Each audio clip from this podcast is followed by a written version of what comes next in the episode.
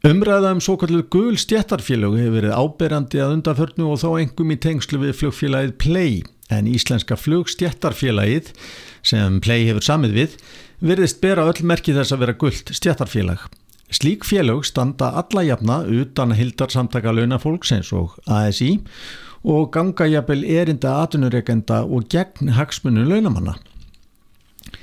Sigurður Pétursson, sagfræðingur, þekkir vel sögu verkalýsreifingarinnar en hann hefur sérstaklega kynnt sér svo kvöldu gul stjættarfélög.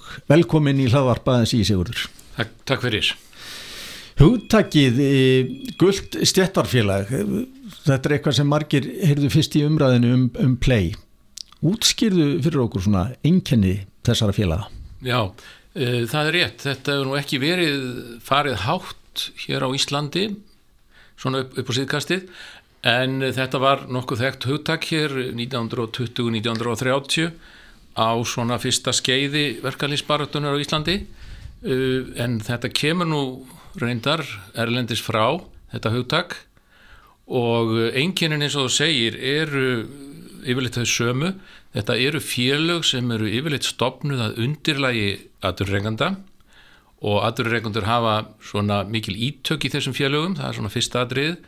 Í öðru lagi þá er þetta félög sem að standa alltaf utan við heildarsamtök uh, verkalýsfélagana eins og allþjóðsambandið eða önnur, önnur slík sambönd og það er annað aðrið og í þriðja lagi þá gera þessi félög aldrei ágreining. Það er að segja að þau grýpa aldrei til verkfalla og uh, standa yfirleitt ekki í neinum samstöðu aðgerðu með öðrum félögum. Og það er svona þriðja aðrið en þetta er nokkuð gamalt fyrirbæri. Og uh, það er ágætt að hafa þetta hugtak yfir þetta gul verkefælisfélög þetta á sér uppruna alveg frá því fyrir aldamóti 1900 og kemur fyrst upp í Fraklandi og þaðan kemur hugtakið. Að uh, eins og við þekkjum þá er sérstaklega á upphafsárum verkefælisreifingarinnar að þá voru atvinnureikundur mjög ofta að reyna að hunsa verkalýsfélög, sniðganga þau og gera jafnvel enn eins og í bandaríkjunum og viðar og eh, líka að nota slík félög, sem sagt eh, félög sem þeir gáttu stjórnað til þess að nekja eh, frjálsum verkalýsfélögum og samtökum. Og þannig kom þetta upp í Fraklandi að, að það var deila við versmiðu í Fraklandi í kringum 1890 þar sem aðurreikandur hafðu smalað saman verkvallsbrjótum til þess að brjóta aftur verkvall. Eh, verkvallsmenn stóði fyrir utan vesmiðuna og, eh, og verkvallsbrjótarnir reyndi að halda starfseminni áfram og það eruðu átök og brotna rúður og þá settu verkvallsbrjótarnir gula miða eða gulan pappir í rúðurnar til að sæðist ekki inn í vesmiðuna og þaðan kemur þetta heiti, gullt verkvallsfélag. Þetta eru sem sagt verkvallsbrjótar og í raun og veru félagabrjótar mm -hmm. sem, sem að heiga undir þetta hugtak.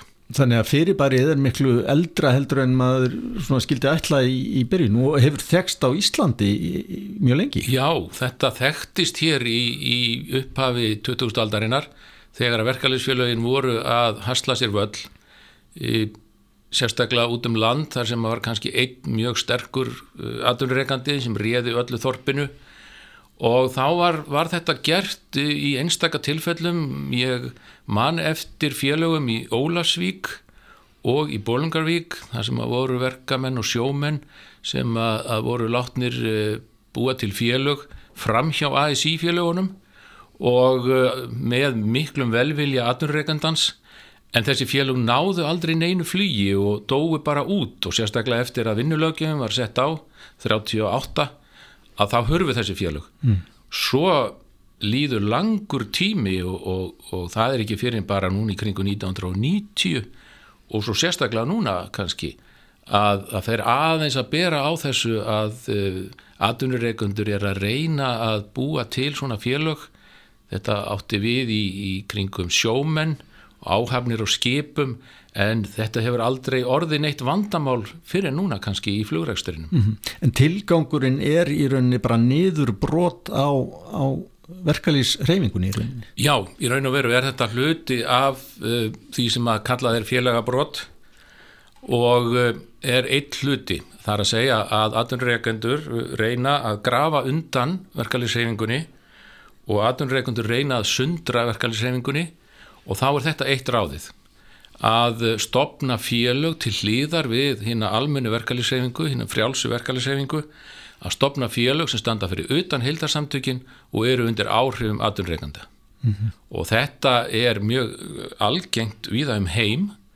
Mis mikið en auðvitað mest þar sem að verkalýsreifingin er veik eins og í bandaríkjónum að þar hefur þetta verið mjög ábyrjandi þetta er oft kölluð vinnustæðafélög eða, eða eitthvað slíkt og eru hreinlega bara undir stjórn aðurreikandana mm -hmm. Talandu um bandaríkin hér í uppafi og, og framan af 2000-stöldinni verkalýs, var verkalýsseimingin í bandaríkinu sterk um, við vorum með fyrirlesara bandarískan sem talaði á fundi vörðu rannsóknarstofnunar vinnumarkaðinins í fyrra og hann var að fara einmitt yfir þetta hvernig félagabrót væru orðin eiginlega bara útflutningsvara í bandaríkjunum. Hvernig á að brjóta niður verkalýsfélug Já, þetta var mjög aðtiklisverður fyrirlestur sem hann hjælt og hann, hann er sagt, starfsmæður AFL, CIO, e staðstu verkalýsamtakana í bandaríkjónum og hann var einmitt að benda á þetta hvernig að bandarískir, eh, bandarísk eiginlega auðfyrirtæki og fjölþjóðafyrirtæki eru farin að, að nota þetta sem útflutningsvöru, eh, það sem kallaði ráðgjöf, ráðgjafafyrirtæki Eh, það eru þá lögfræðileg fyrirtæki og almannatengsla fyrirtæki, við hefum svo sem heyrt þetta aðeins núna nýlega í umræðinni um, um slík, slík fyrirtæki á Íslandi meira segja. En að þetta væri orðin uh, sérfræði þekking sem að bandarækjumenn væri að flytja út til Európulanda. Þar sem verkalýsengin hefur haft uh, mjög mikil ítök síðustu, síðustu öldina, getur við sagt.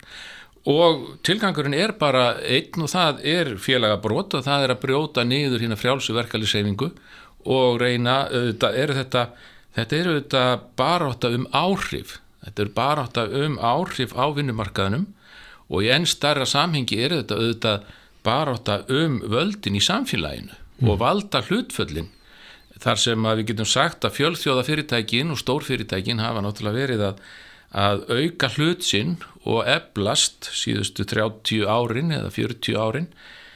En á tímabili eins og þú segir sko þá var verkefliðsreyfingi mjög sterk í bandaríkjónum hún átti erfitt uppdráttar fyrst í stað en e, eftir kreppuna og eftir Roosevelt og New Deal og, og ímsa löggef sem þá var sett á að þá var verkefliðsreyfingi nokkuð sterk millir 1940 og 1960 í bandaríkjónum og sama áður þetta við um Európa-löndin þá komst á flestum löndum Európa eins og hér á Íslandi ákveðið svona sátt á milli aturreikanda og verkefliðsreiningar og um, svo sátt eiginlega var rofin eftir 1980 með nýfrjálfsveikjunni og nú er slagurinn sem sagt komin eiginlega hingað inn til Íslands. Mm -hmm. slagur sem hefur staðið kannski 20-30 ár í mörgum löndum En ef við, ef við horfum við mitt á bandaríkinu og þar sem hefur gerst þar að, að það geti verið ágætis viðvöruna skildi fyrir okkur hér að millistjættin í bandaríkunum, þessi þróum fer á fullt þarna, í,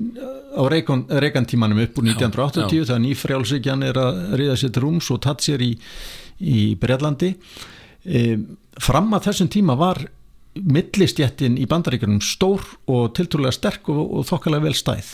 Já, þetta hefur breyst þetta hefur breyst mjög mikið í bandaríkunum og uh, hann Svíni var einmitt með þetta og síndi mjög greinilega fram á hvernig valda hlutvöldin í bandaríkjum hafa breyst. Þar sem hinn eh, breyða millistjett eh, hennar staða hefur versnað síðustu 30-40 árin og það helst í hendur við lækandi hlutfall þeirra sem að, að skrá sig í verkalýsfélög en þetta hefur líka haldist í hlutfalli við uh, hvað efsta lægið í samfélaginu, þenni ríkustu af þeim ríku, hafa tekið til sín stóran hluta af þjóðarauðinum og, og, og það var ótrúlega að sjá að, að línuritið var algjörlega, fjall algjörlega saman þarna hlutur þeirra sem að mest hafa og minkandi hlutur millistjættarinnar mm. sem að, að helst í hendur við minkandi hlutvall þeirra sem að taka þátt í verkefælisfélögum mm -hmm. Þannig að þetta snýst í rauninni um sko velferð launafólks að, að við stöndum vörð um stjættafélagin og gegn þessari þróun. Algjörlega, algjörlega, því að það sýnir sig auðvitað að þar sem að mestu velferðarþjóðfélagin eru eins og í norður og vestur Evrópu að þar hefur verkalýsreifingin verið sterkust.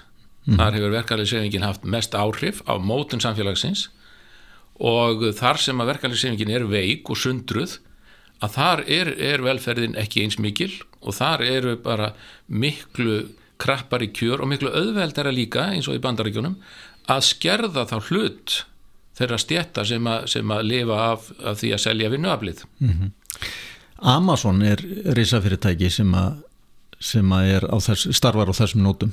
Akkurat, ég var að lesa grein núna nýlega um það að eh, Amazon fyrirtæki sem er eitt af þessum fjölþjóða auðfyrirtækjum sem er alveg gríðalegur auður hefur sapnast í að eh, þeir koma í veg fyrir að verkalýsfélög séu stopnuð. Mm.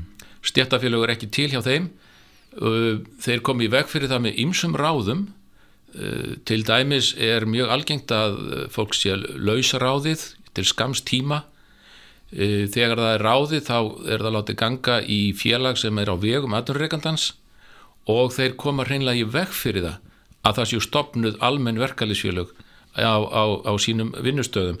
Þeir, þeir eru með sko 20.000 manna í vinnu. Og þetta á líka við um Volmart verslunarkeðina í bandaríkjónum þar sem er, er allrænt láluna hérna fyrirtæki. Að þeir gera þetta líka. Og bandarísk lögjöf er ekki eins og hér á Íslandi. Við erum með vinnulögjöf sem er miklu betri heldur en þeir.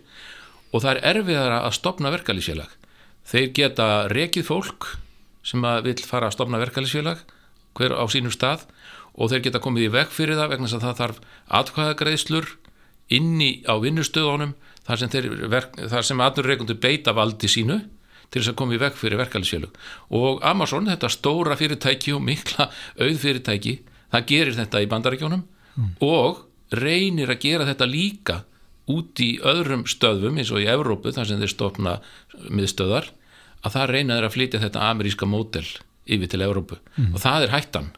Og þetta er það sem er við, við stöndum frammi fyrir hér á Íslandi líka. Mm auðfyrirtækin er að koma hingað og þau eru í samkeppni við okkar fyrirtæki og þá fara menn út í þessa, þessa sömu hluti. Mm -hmm. Þessar hérna, tilraunir play, það er kveikja viðverðin á ljósin hér. Hefur þessi þróun eitthvað verið eh, áberandi á Norðurlandum? Já, þetta er orðið nokkuð áberandi sérstaklega í Danmörku Þar hefur uh, gulverkalýsreifing og þeir kalla hana það. Hún hefur orðið nokkuð ábyrjandi síðustu 30-40 árin. Uh, það voru í kringum hálf prósent uh, vinnandi fólks í, í Danmörku í slíkum félögum fyrir 40 árum. En nú er orðið einn fjörði af hverjum vinnandi manni í Danmörku komin í slík félög.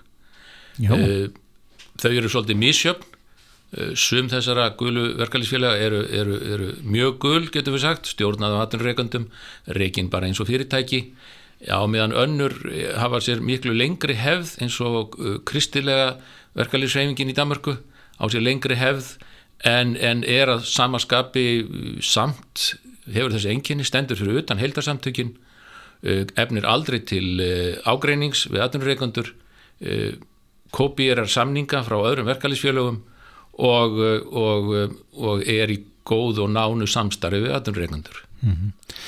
Það er ótt talað um að, að við hefum að læra af sögunni og þú ert einhver sem að hefur kynntir verkalýsmál mjög vel og skrifað þrjár bækur og, og hérna, þekkir gulu stjættafélagin. Þetta er saman svona í, í nokkrum orðum af hverju við hefum að spilna við fótum þegar við sjáum fyrirtæki eins og play gera það sem þeir hafa verið að reyna að gera. Já, ég held að sé gríðarlega mikilvægt fyrir verkefliðsreiningunni að standa þarna bremsunni. Taka mjög hart á þessari þróun. Vegna þess að auðvitað er það verkefliðsreifingin sem byggði upp að stórum hluta þetta velferða þjóðfélag sem við búum í í dag og við viljum halda í enginni þess. E, ef við ætlum ekki að missa þau réttindi og þá stöðu sem vinnandi fólk hefur í landinu að þá verðum við að standa gegn þessum félögum vegna þess að þessi félög hafa bara þann eina grunn að breyta valda hlutvöldlónum atvinnireikundum í vil. Sigurður Pétursson, sakfræðingur kæra það ekki verið komuna. Takk fyrir